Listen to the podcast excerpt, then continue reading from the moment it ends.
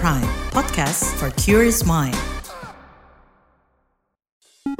Saatnya Anda dengarkan Ruang Publik KBR yang dipersembahkan oleh Yayasan Kemitraan Indonesia Sehat IAKIS didukung oleh AIDS Healthcare Foundation AHF. Selamat pagi saudara, kita berjumpa kembali di Ruang Publik KBR yang dipersembahkan oleh Yayasan Kemitraan Indonesia Sehat IAKIS didukung AIDS Healthcare Foundation AHF bersama saya Deborah Tanya. Acara ini merupakan siaran tunda rangkaian dari seminar Yakis Ghost to School yang berlangsung di SMP Negeri 102 Jakarta dengan tema Hari Anak Nasional 2023 Lindungi Anak dari Penularan HIV AIDS.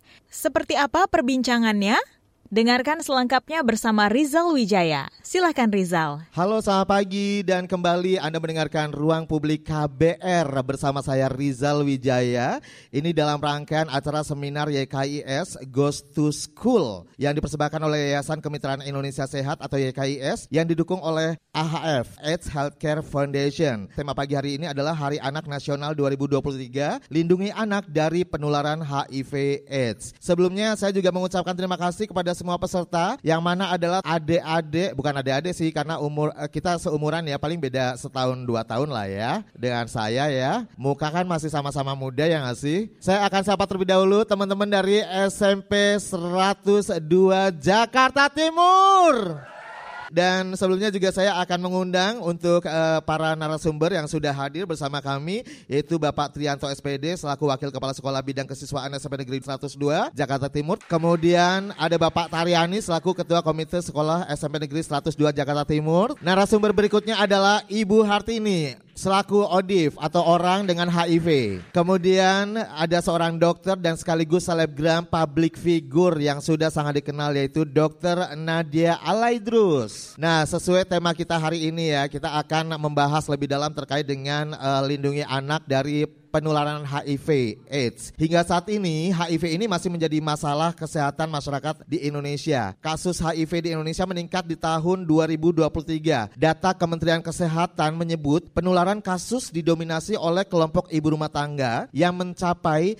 35% kasus HIV baru. Jadi bertambah sebesar 5.100 kasus setiap tahunnya. Ini sangat memprihatinkan pastinya ya. Dan angka tersebut lebih tinggi dibandingkan kasus HIV pada kelompok lainnya seperti suami pekerja seks dan kelompok MSM atau Men Sex with Men. Nah, juru bicara uh, Kemenkes yaitu Dr. Muhammad Syahril menyebut penyebab tingginya penularan HIV pada ibu rumah tangga karena pengetahuan akan pencegahan dan dampak penyakit yang rendah serta memiliki pasangan dengan perilaku seks berisiko. Dampaknya sebanyak 45% bayi yang lahir lahir dan ibu yang positif HIV ini akan lahir dengan HIV dan sepanjang hidupnya akan menyandang status HIV positif. Nah, data Kemenkes juga menyebutkan kasus HIV pada anak usia 1 sampai 14 tahun mencapai lebih dari 14.000 kasus ya dan angka ini setiap tahunnya bertambah sekitar 700 sampai 1000 anak dengan HIV. Ini pasti menjadi perhatian kita semua ya, bukan hanya pemerintah, tapi seluruh lapisan masyarakat. Dan saat ini pemerintah terus melakukan upaya untuk melakukan uh, screening pada setiap individu untuk mencapai eliminasi, termasuk pemutusan mata rantai penularan HIV secara vertikal dari ibu ke bayi. Dan melalui upaya ini diharapkan angka dan data anak yang terinfeksi HIV sejak dilahirkan dapat ditekan ya, dan angka kesakitan dan kematian dapat ditekan dan yang terpenting adalah menekan beban negara negara dalam penanggulangan masalah kesehatan masyarakat. Nah, untuk mendukung pemerintah mewujudkan Indonesia bebas HIV AIDS, AHF Indonesia dan Yayasan Kemitraan Indonesia Sehat atau YKIS ini sebagai organisasi yang menaruh perhatian pada isu HIV dan konsekuensinya yaitu berupa stigma, kemudian diskriminasi dan lain-lain, terus melakukan berbagai inisiatif program seperti melalui program Stock Show pagi hari ini. Tepuk tangan yang paling meriah untuk kita semuanya. Dan tentunya sudah tidak sabar ya untuk uh, menyimak lebih dalam bagaimana perbincangan pagi hari ini dengan tema yang sudah uh, sangat kita tunggu-tunggu karena ini relate banget dengan peringatan Hari Anak Nasional 2023 yaitu lindungi anak dari penularan HIV AIDS. Baik, yang pertama uh, saya uh, mungkin ke Dokter Nadia terlebih dahulu deh. Dokter, sebelumnya mungkin bisa dijelaskan dahulu apa sih itu yang disebut dengan HIV? Oke, jadi um, umurnya berapa aja sih berarti teman-teman di sini?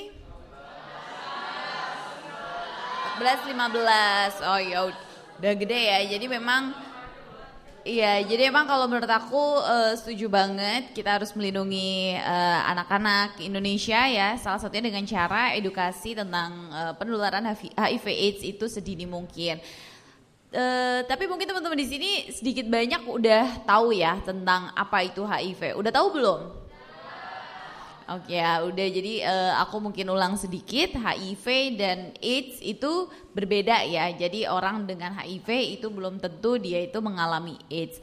HIV itu kan kepanjangannya adalah Human Immunodeficiency Virus yang artinya adalah human adalah manusia, imunodefisiensi itu adalah penurunan daya tahan tubuh, virus ya virus gitu ya. Jadi uh, adalah virus yang menyebabkan apa e, imunitas tubuh atau daya tahan tubuh itu menurun yang akhirnya orang akan jadi lebih gampang tertular penyakit entah itu penyakit jamur gitu ya terus juga pneumonia TBC dan penyakit-penyakit yang lain ya karena daya tahan tubuhnya itu dia menurun sedangkan AIDS atau acquired immunodeficiency syndrome itu dia berbeda sama HIV.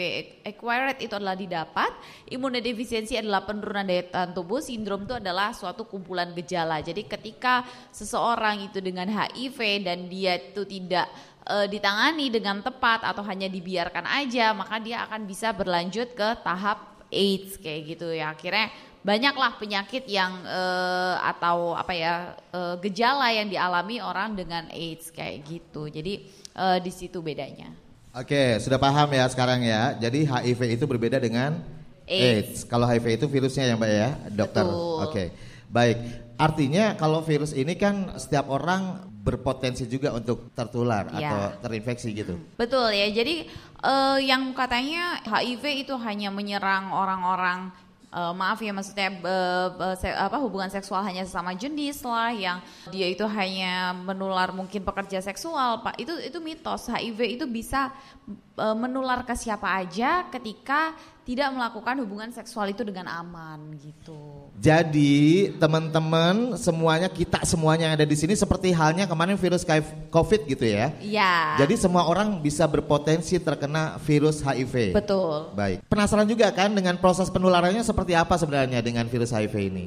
Ya, jadi uh, penularannya itu tentunya melalui cairan tubuh karena HIV itu dia itu kayak i, apa ya rumahnya gitu. Dia itu berada di cairan tubuh seperti darah terus juga mungkin uh, cairan sperma ya atau yang dimiliki laki-laki cairan vagina atau yang dimiliki oleh perempuan dan juga dari air susu ibu gitu. Jadi dia kalau misalnya kita cuman pegangan ya kan atau kita uh, makan satu piring, uh, berenang bareng, ya kan tidur bareng itu dia tidak akan menularkan HIV gitu. Jadi ketika dia itu adanya uh, hubungan seksual itu uh, yang bisa menularkan HIV karena melalui cairan tubuh atau juga melalui jarum suntik gitu. Terus juga uh, ketika ibu uh, dari ibu ke anak itu dia bisa menularkan HIV. Jadi kalau misalnya uh, kan makanya ada istilah yang bilang jauhi penyakitnya bukan orangnya ya karena uh, yang bisa kita lakukan adalah menghindari ketika kita itu bisa tertular dari orang tersebut. Tapi kalau kita ya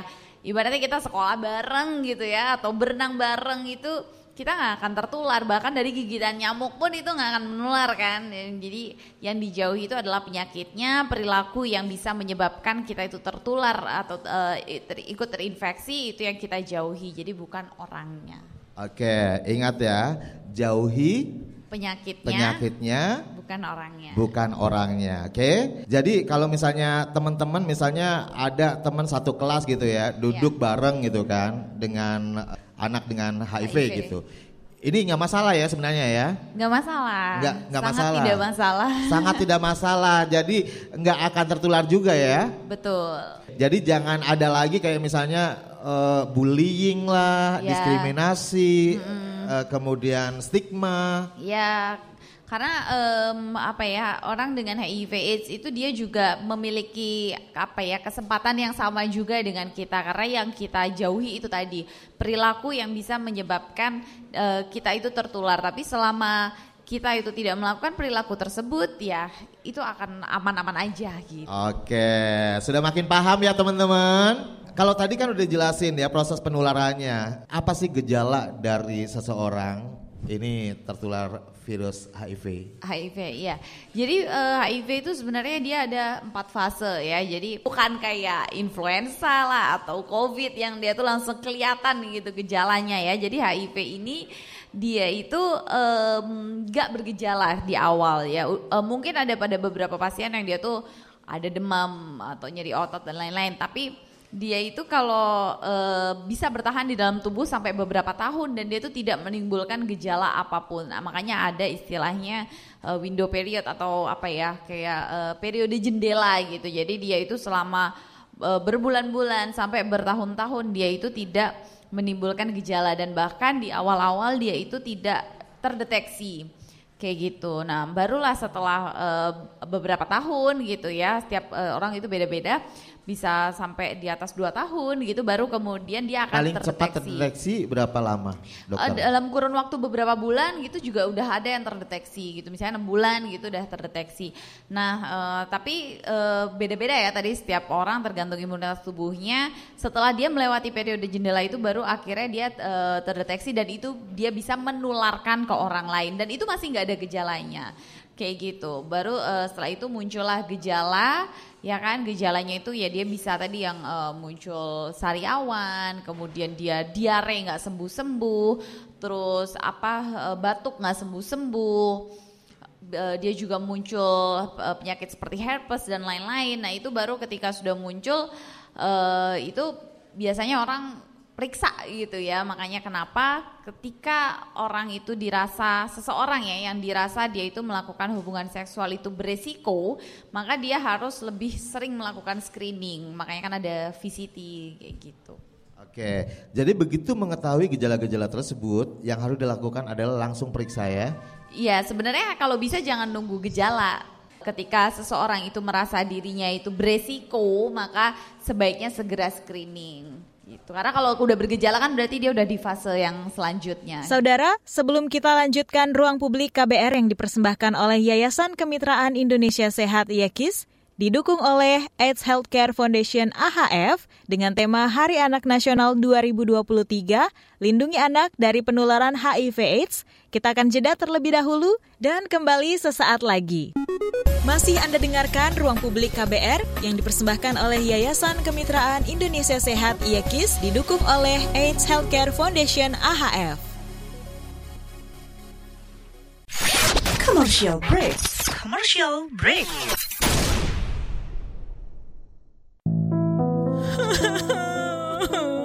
lah, ini anak kenapa? Gue diputusin Rehan. Aduh, yang sabar ya, Di.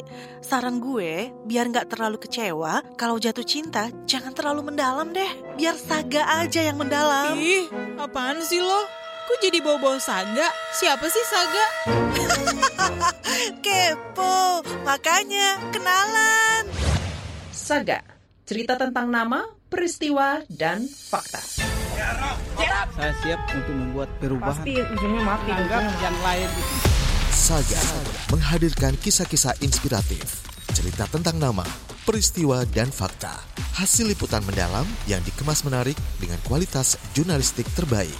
Dengarkan Saga di podcast KBR Prime dan di program Buletin Pagi setiap pukul 6 waktu Indonesia Barat di radio jaringan KBR di seluruh Indonesia.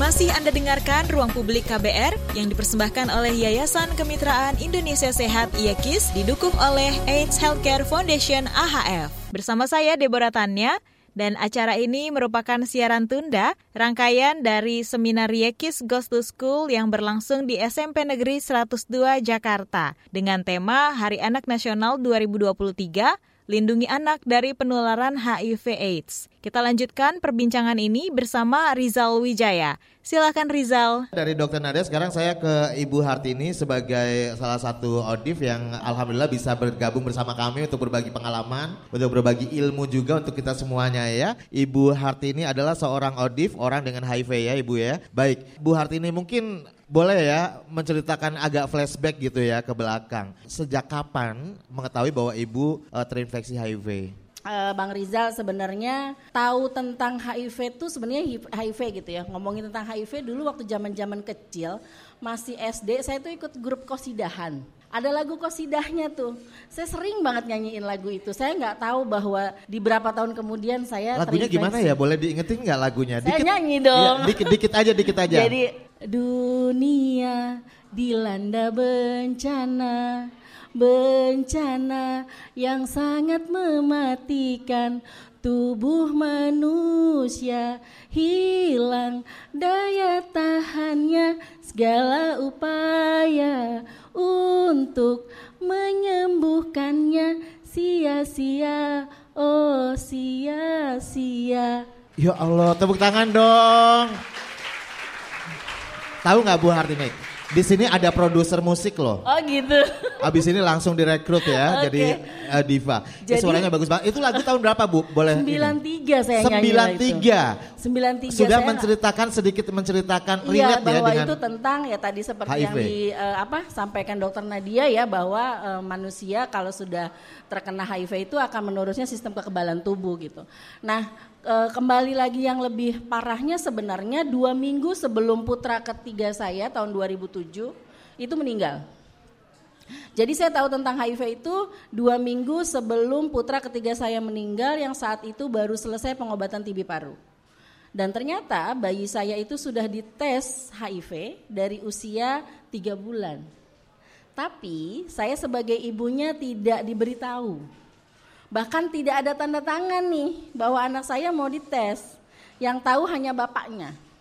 Begitu tahu di hasilnya dika- diketahui HIV positif, saya tidak tahu apa pun. Sampai kondisi anak saya benar-benar ngedrop.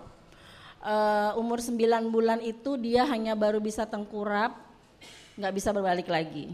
Dan meninggal yang saya nggak tahu dia punya infeksi apa lagi yang di dalam tubuhnya karena tidak melakukan pengobatan. Jadi saya kehilangan anak 2007, eh, kondisi saya langsung ngedrop. Saya sepakat sama dokter Nadia, kalau bisa jangan sampai ada gejalanya. eh, kalau memang merasa berisiko. Tapi waktu itu saya tidak merasa berisiko ya, kan saya ibu rumah tangga. Kalau beberapa waktu itu jujur tahun itu saya cuma menyangka bahwa HIV itu hanya orang-orang tertentu seperti yang tadi dokter Nadia bilang, pekerja seks, ya eh, LSE laki-laki seks dengan laki-laki atau pengguna narkoba suntik.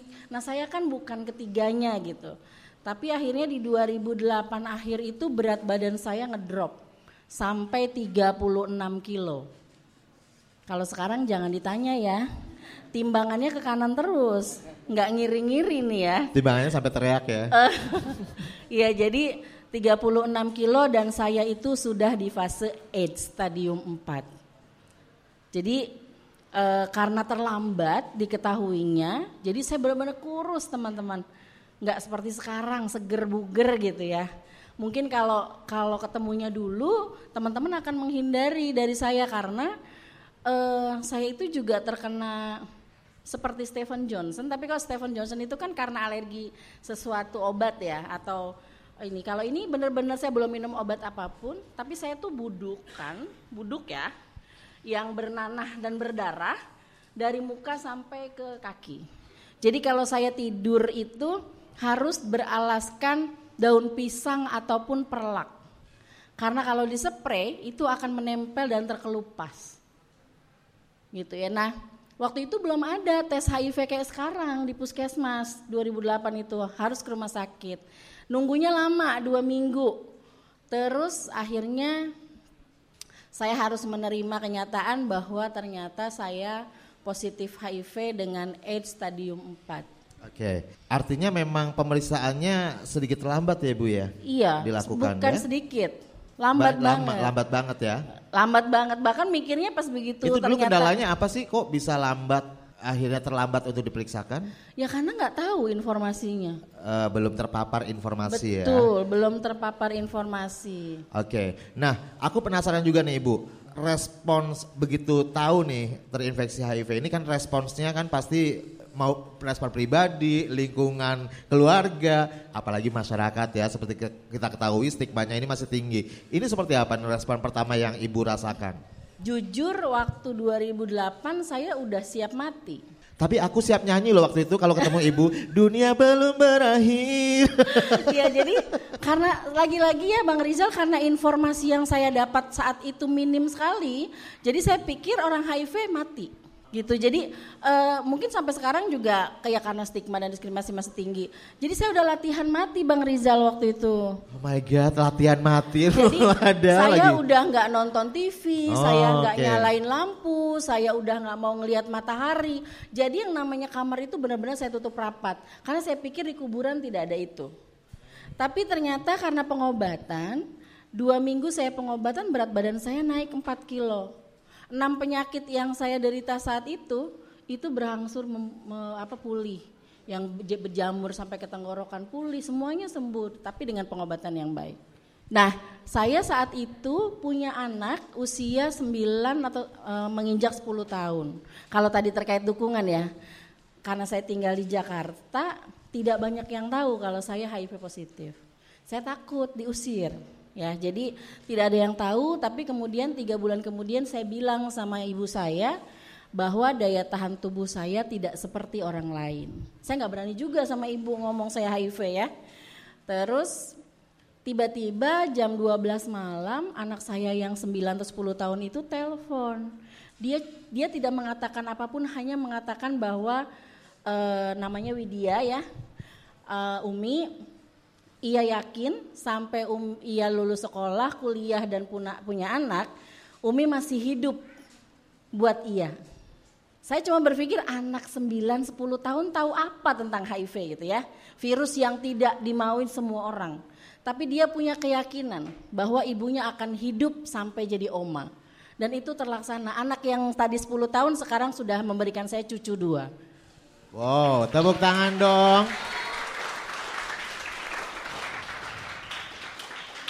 Iya, ini yang bisa menginspirasi semua orang ya, terutama eh, keluarga terdekat. Event itu adalah anak kandung sendiri itu menjadi support system.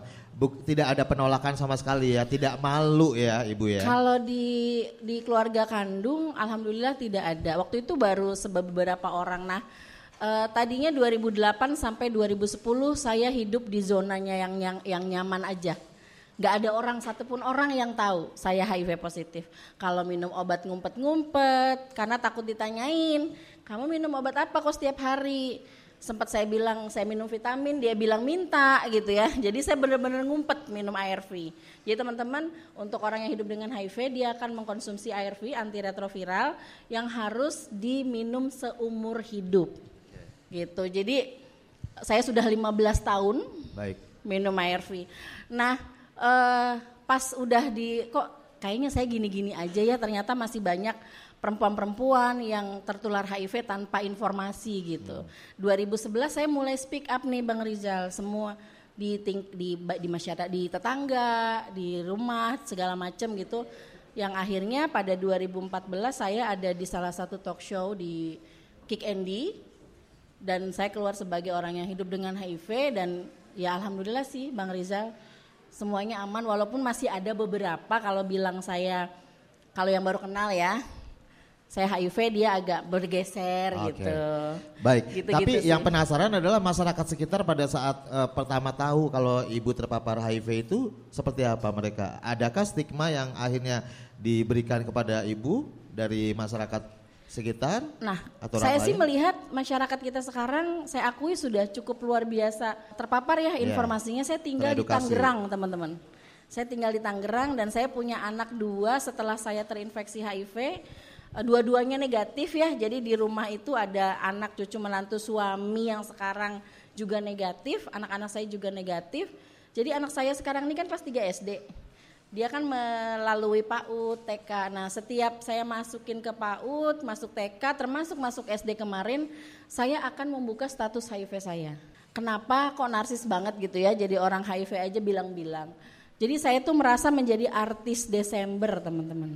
Tahu ya? Apa tuh arti Desember? Kan setiap 1 Desember itu ada hari AIDS Oh, sedunia. oke. Yang saya kerjaannya diundang-undang terus ke mana-mana ya. Warawiri gitu. ya dari TV ke TV Uh-uh. ya kan? Nah saya takutnya kalau de- mereka tahunya dari TV, oh itu mamanya Nacita ternyata HIV positif gitu. Nanti anak saya yang dijauhin. Padahal dianya tidak. Begitu juga anak-anak lain yang dia HIV positif seperti dokter bilang tadi ya tidak akan menularkan gitu. Jadi saya setiap memasukkan anak saya akan bercerita. Alhamdulillah sampai sekarang ya amit-amit ya. Maksudnya nggak ada kat, saya diusir, saya di uh, cemooh gitu.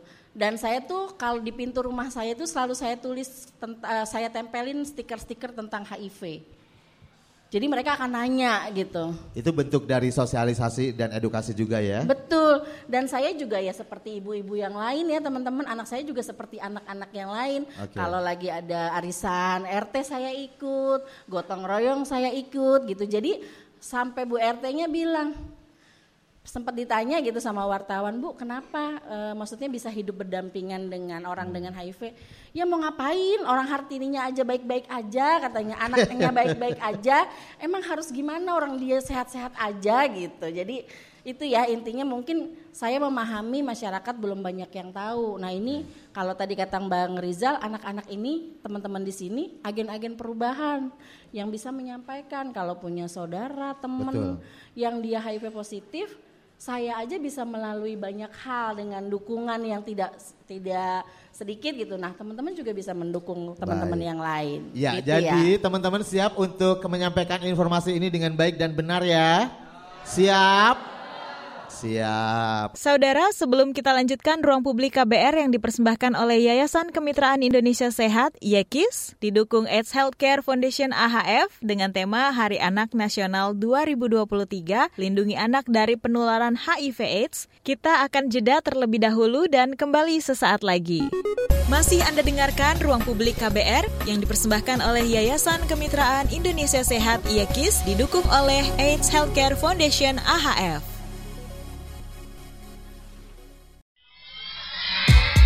Yuk follow social media KBR. Twitter at Berita KBR, Instagram at KBR.id, Youtube Berita KBR. Masih Anda dengarkan Ruang Publik KBR yang dipersembahkan oleh Yayasan Kemitraan Indonesia Sehat IAKIS didukung oleh AIDS Healthcare Foundation AHF. Bersama saya Deborah Tanya dan acara ini merupakan siaran tunda rangkaian dari seminar Yekis Ghost to School yang berlangsung di SMP Negeri 102 Jakarta dengan tema Hari Anak Nasional 2023 lindungi anak dari penularan HIV AIDS. Kita lanjutkan perbincangan ini bersama Rizal Wijaya. Silakan Rizal. Saya langsung ke tuan rumah, Bapak Trianto. Tadi disebutkan salah satu adalah perilaku seksual juga ini salah satu yang berisiko gitu ya terkena HIV. Kaitannya seperti apa sih pendidikan seksual dalam melindungi anak-anak dan dari penyebaran HIV ini? Pentingnya seperti apa Pak? Pendidikan uh, terkait dengan seksual dalam melindungi anak-anak dari penyebaran HIV. Oke baik. Menurut saya uh, pendidikan seksual itu sangat penting. Nah, jadi apalagi pendidikan seksual yang positif itu akan berdampak pada uh, penghargaan terhadap tubuhnya sendiri dan mendorong penghargaan terhadap orang lain. Nah, sehingga dia terhindar dari uh, KTD misalnya. Ada yang masih ingat apa itu KTD? Kehamilan yang tidak diinginkan dia tidak melakukan seks bebas karena dia tahu. Kemudian mengatasi hal-hal yang beresiko bagi dirinya karena dia tahu. Nah, jadi pendidikan seks ini bagi uh, menurut saya sangat bagus. Hanya memang kita sering kali terkendala pada persepsi masyarakat. Jadi dianggapnya itu tabu. Jadi ya saya apa milih kata yang kadang-kadang saya harus berhati-hati Susah juga loh milih katanya Pak ya, kata betul, padat katanya. Betul, ya. Esensinya nyampe tapi saya tidak dianggap ngajarin pornografi gitu kan. Padahal di pelajaran IPA jauh lebih vulgar gitu kan. Tapi uh, jadi saya harus berhati-hati banget menyampaikannya dan uh, tapi esensinya kena anak-anak itu tahu uh, bagaimana penyakit menular seksual, bagaimana KTD apa apa resikonya, tindakan beresiko termasuk dia juga pengenalan terhadap uh, privasi dan batasan sehingga dia bisa membatasi dirinya. Betul apa yang disampaikan Bapak bahwa di pelajaran IPA terutama biologi kalau nggak salah ya. Saya juga belajar dari kecil juga udah belajar dari SMP terkait dengan reproduksi, seksual, organ tubuh dan sebagainya. Jadi bukan hal yang tabu lagi sebenarnya ya. Zaman sekarang kan zamannya udah canggih ya sih era digital. Uh, tadi kan pendidikan soal HIV ini sebenarnya sudah disampaikan dalam mata pelajaran gitu ya di SMP 102 ini. Ini seperti apa nih format pendidikannya atau konsepnya seperti apa yang disampaikan kepada mereka? Karena saya guru BK, jadi ini saya sampaikan melalui bimbingan klasikal itu satu jam pelajaran di kelas 8. Kalau materi HIV ini ada di kelas 8, termasuk perilaku beresiko, uh, eh, HIV AIDS dan juga uh, apa reproduksi kehamilan tidak diinginkan itu ada di materi di kelas 8. Sistemnya seperti itu. Selaku guru BK saya memberikan bimbingan klasikal untuk semua kelas di kelas 8 karena materi itu kita pilih. Kenapa saya pilih kelas 8? Karena kan kelas 7 baru masuk sehingga baru kelas 7 itu mungkin tentang perubahan fisik, uh, siapa aku, kemudian mungkin dia akan bertanya-tanya tentang perubahan secara fisiknya, hmm. perubahan hormonnya, sikap emosinya dan sebagainya. Jadi uh, belum saya berikan di kelas 7, tetapi di laki-laki dan perempuan itu baru dikenalkan di kelas 7. Kalau kelas 8 mulai sudah dengan tadi penyakit seks menular, uh, ah. eh, HIV AIDS, kemudian perilaku beresiko, kehamilan yang tidak diinginkan, misalnya itu saya sampaikan di kelas. Baik, jadi model pendidikannya seperti itu ya Pak ya. Oke, uh, dokter kembali nih, dokter sebenarnya nih untuk pembekalan uh, pendidikan seks dan juga soal HIV termasuk di dalamnya itu paling ideal disampaikan ini sejak kapan sebenarnya?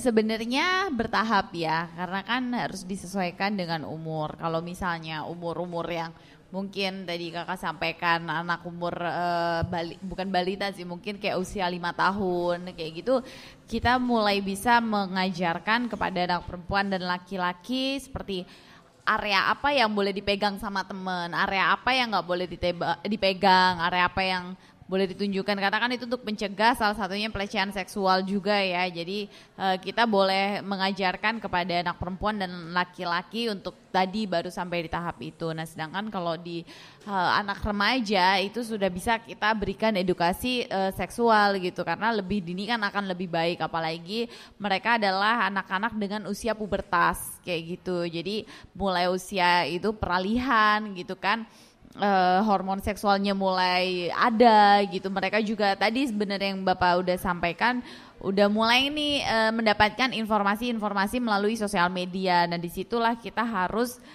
um, mengajarkan kepada mereka uh, apa ya yang benarnya gitu. Jadi uh, pencegahan HIV itu sendiri ada A B C D E. A itu adalah uh, abstinence, artinya absen melakukan hubungan seksual ketika sebelum menikah. Jadi apa ya diusahakan itu kalian jangan melakukan hubungan seksual sebelum adanya pernikahan gitu. Yang kedua adalah be faithful. Ketika sudah menikah itu uh, kita setia terhadap satu pasangan seksual ya hanya kepada suami ataupun istri kita. Yang ketiga adalah si atau kondom. Kondom itu adalah uh, salah satu uh, alat kontrasepsi yang dia itu aman untuk mencegah kehamilan dan juga untuk mencegah terjadinya penularan infeksi menular seksual gitu dan yang ketiga eh, yang keempat itu adalah drugs. D adalah drugs. Drugs itu say no to drugs ya. Jadi uh, jangan pernah mencoba narkoba jenis apa pun. Dan yang kelima E itu adalah edukasi edukasi. Jadi ketika teman-teman di sini udah mendapatkan ilmu tadi dari kita kalian juga bisa sampaikan ke teman-teman mungkin yang nggak ada di kelas ini gitu ya. Jadi uh, edukasi itu penting banget saling uh, share ilmunya supaya ya itu sebagai salah satu langkah pencegahan juga. Oke, siap ya teman-teman ya. Jadi kalau di kantin sekarang bukan lagi ngegibahin yeah. temen, tapi udah uh, ngobrolin soal HIV bahayanya, yeah. siapa sih yang bisa terpapar ya kan? Karena gimana pun juga terkait dengan edukasi, edukasi uh, soal informasi yang inklusif ini ya. Ibu Sarti ini kan sebenarnya juga dalam tanda kutip menjadi korban dari uh, informasi yang tidak Betul. luas gitu ya. Saya mau iya. nambahin dong. Oh, boleh saya Ibu, nambah berapa mau, Bu? saya mau Bu. apresiasi dong buat SMP 102, tepuk tangan dong. Tadi Tadi yang disampaikan oleh Bapak Wakil Kepala Sekolah luar biasa ya teman-teman. Saya SMP, saya SMP tuh tidak mendapatkan informasi tentang kesehatan seksual. Ini luar biasa banget ya. Udah dapat informasi tentang HIV, IMS, uh, apa perilaku-perilaku yang berisiko. Nah dulu saya cuman cuman ada tulisan aja hindari pernikahan dini. Jadi kalau sama Susi, sama Dewi boleh. Yang nggak boleh sama Dini. Oh iya. Karena tidak ada penjelasan di sekolah tidak ada yang menjelaskan kenapa sih pernikahan dini itu tidak boleh. Kenapa melakukan seksual di usia yang masih muda tuh belum boleh gitu. Nah itu tidak ada, tidak ada di sekolah dipelajari itu. Okay. Kalau bertanya dijawabnya apa? His, saru nggak boleh nanya-nanya. Ah. Kalian keren tahu, tepuk tangan yeah, dong. Tepuk tangan dong. Terus kayak tadi yang dokter uh, apa bilang bahwa penularan itu sebenarnya HIV ini kadang-kadang karena penularannya dari seks berisiko, jadi stigma dan diskriminasi ke kitanya yang sudah mengidap HIV itu tinggi banget. Karena penularannya dari seks gitu. Tapi jadi orang-orang yang HIV positifnya, anak-anak yang hidup dengan HIV-nya tuh nggak bisa keluar karena ngelihatnya kalau orang HIV itu mitos-mitosnya ya orang HIV itu dikutuk ya. Orang HIV itu kalau orangnya kalau ibunya HIV anaknya HIV gitu. Okay. Nah, informasi-informasi yang yang yang jelek itu yang yang masih di beredar di masyarakat. Iya. Masa hari gini masih kemakan mitos informasi hoax ya kan? Jangan sampailah. Baik, uh, ke Bapak Taryani sekarang selaku Ketua Komite ya. Pak, ini kan membicarakan soal HIV. Cara memberitahu kepada anak-anak tentunya kan berbeda nih caranya dari zaman dahulu dengan zaman sekarang ya Pak ya. Setabu apa sih untuk memberikan informasi terkait seksual dan juga informasi HIV termasuk di dalamnya kepada anak-anak? Kalau sekarang ini menurut saya tidak tabu ya Bu Artini ya. Kenapa? Karena kita ini di samping peradaban sudah lebih maju ya tentunya kita sering digembur-gemburkan bagaimana caranya untuk HIV itu menurun bahkan menghilang dari Indonesia ini ayo kita bareng-bareng kita sampaikan ke teman-teman sampaikan ke orang tua kita semua seperti saya orang tua sampaikan ke anak bahwa resikonya adalah tinggi tadi dari dokter Nadia yang jelas beliau adalah faknya. Nah kita ini sebagai kabel-kabelnya Bu Nadia ya Bu Dokter. Tujuannya apa? Kita bareng-bareng memerangi dengan adanya HIV ini. Tujuannya apa? Biar kalau orang Jawa bilang biar melek semua, biar tahu semua bahwa HIV ini tidak tabu. Ini kesempatan baik buat adik-adik saya, anak-anak saya untuk mendengarkan dari arahan dari Dokter Nadia. Buat mengamankan Indonesia ini tanpa HIV. HIV. Itu yeah, aja. tepuk tangan dong. Saudara, sebelum kita lanjutkan ruang publik KBR yang dipersembahkan oleh Yayasan Kemitraan Indonesia Sehat, YEKIS, didukung AIDS Healthcare Foundation AHF dengan tema Hari Anak Nasional 2023, Lindungi Anak dari Penularan HIV AIDS, kita akan jeda terlebih dahulu dan kembali sesaat lagi. Masih Anda dengarkan Ruang Publik KBR yang dipersembahkan oleh Yayasan Kemitraan Indonesia Sehat YEKIS didukung oleh AIDS Healthcare Foundation AHF. Commercial break. Commercial break. Nonton TV ah, kali-kali aja ada berita bagus. Iya apaan sih? Acaranya gosip, sinetron, itu terus. Matiin aja ah, bosen. Hah, mending baca koran. Coba deh kali ada berita seru ya. Pemilihan presiden tahun 2019. Di berita tahun kapan ini? Kirain koran baru. Eh, basi. Perhatian, perhatian. Selain bisa didengarkan di kbrprime.id, kabar baru juga bisa Anda dengarkan setiap jam, Senin sampai Jumat, mulai pukul 7 pagi hingga pukul 8 malam di radio jaringan KBR seluruh Indonesia dari Aceh hingga Papua. Masih Anda dengarkan Ruang Publik KBR yang dipersembahkan oleh Yayasan Kemitraan Indonesia Sehat IAKIS didukung oleh AIDS Healthcare Foundation AHF. Tidak terasa inilah bagian akhir ruang publik KBR yang dipersembahkan oleh Yayasan Kemitraan Indonesia Sehat IAKIS didukung AIDS Healthcare Foundation AHF bersama saya Deborah Tanya. Acara hari ini merupakan siaran tunda rangkaian dari seminar IAKIS Ghost to School yang berlangsung di SMP Negeri 102 Jakarta dengan tema Hari Anak Nasional 2023 lindungi anak dari penularan HIV AIDS. Kita kembali dengarkan perbincangan selengkapnya bersama Rizal Wijaya berikut ini. Kali ini saya akan berikan kesempatan terlebih dahulu untuk satu yang ingin bertanya. Saya kasih kesempatan tiga pertanyaan sebenarnya, tapi satu dulu. Boleh maju ke depan. Uh, perkenalkan nama saya Chandra di Sastra Suwadana dari kelas 9B. Ya. Saya maunya dong, uh, kira-kira kalau orang-orang terdekat kita ini kena HIV, itu uh, penanganan pertamanya itu gimana? Silakan dokter, boleh ditanggapi pertanyaan Chandra.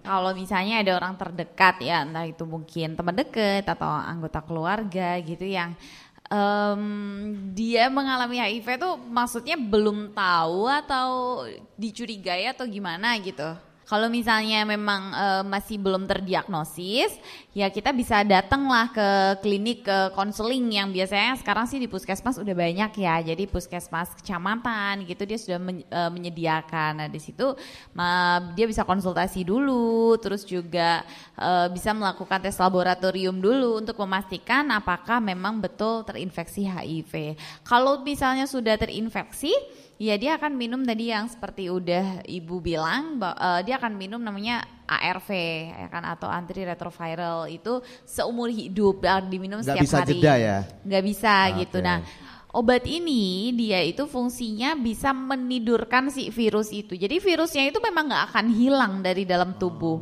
Selamanya dia itu akan menetap dalam tubuh, tapi bisa kita nonaktifkan gitu. Jadi selama uh, pasien itu minum obat uh, eh, ARV secara teratur, ya dia akan virusnya akan tidur. Dia tidak akan menularkan, dia bisa melahirkan anak juga dengan uh, negatif ya dan itu uh, kemungkinannya lebih dari 50% bisa 60 70% anak itu itu akan negatif, dia juga bisa ber ke, apa ya, dia juga bisa uh, hidupnya normal lah pastinya ya. Jadi tubuhnya ya sehat, imunitasnya baik dan lain-lain ya. Dia akan seperti orang normal aja. Jadi ya uh, yang penting minum ARV itu setiap hari kayak gitu sih. Oke, sudah cukup jelas ya. Boleh ditambahin Boleh Ibu?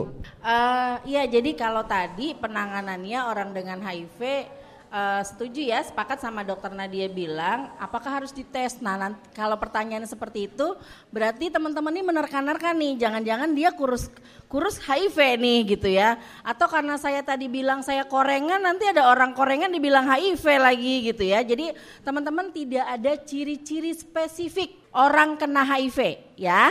Jadi teman-teman nggak boleh menerka-nerka, misalnya teman sekelasnya, ih kurus kering, kayak Bu Hartini nih 36 kilo. Jangan-jangan dia HIV, nggak boleh ya. Karena sekali lagi tidak ada ciri-ciri spesifik orang kena HIV. Yang bisa membuktikan apa? Hanya tes. Karena HIV adalah menurunnya sistem kekebalan tubuh, penyakitnya bisa apa saja. Yang dialami saya belum tentu dialami oleh orang lain. Beda-beda. Lagi-lagi karena daya tahan tubuh manusia berbeda-beda, jadi penyakitnya juga atau penyakit penyertanya, penyakit yang dideritanya itu beda-beda. Jadi nggak gitu bisa ya. diidentifikasi dari betul, bentuk tubuh ya. Betul. Tung, tunggu kiris, eh, eh apa? Tunggu apa? Tunggu kiri, kiris, kiris tunggu, apa? Kurus, kurus, kurus tinggi, tinggi kuris lagi. Iya, jadi nggak okay. bisa dilihat. Hanya satu yang boleh yang bisa memastikan bahwa orang Hasil itu terinfeksi, terinfeksi HIV gitu okay. ya. Jadi nggak boleh nebak-nebak. Pokoknya nanti jadi bahan bulian nih kalau ada temen yang korengan, eh kamu HIV, kamu HIV yeah. gitu. Jangan ya. Dikit-dikit HIV, dikit HIV iya, gitu ya. beda, beda. Jadi bersin nanti, HIV. Oh, oh ya, karena memang memang banyak kan yang di, dialami adalah uh, diare tadi dokter bilang ya diare berkepanjangan, batuk okay. pilek nggak pernah sembuh. Nanti jangan-jangan bukan bukan apa namanya bukan HIV, dia kena TB atau Baik. badannya kurus dia bukan HIV ternyata gizi buruk. Jadi uh, kita mesti memberikan informasi yang benar dan jangan asal ngejudge orang gitu ya dari outlooknya dari luarnya ya nggak sih. Sekali lagi terima kasih kepada para narasumber untuk pesan-pesannya di Hari Anak Nasional 2023 dari Dokter Nadia terlebih dahulu. Dokter Nadia Alaidrus. Oke, uh, pesan-pesannya yang pasti semoga tadi ilmunya nggak langsung hilang ya.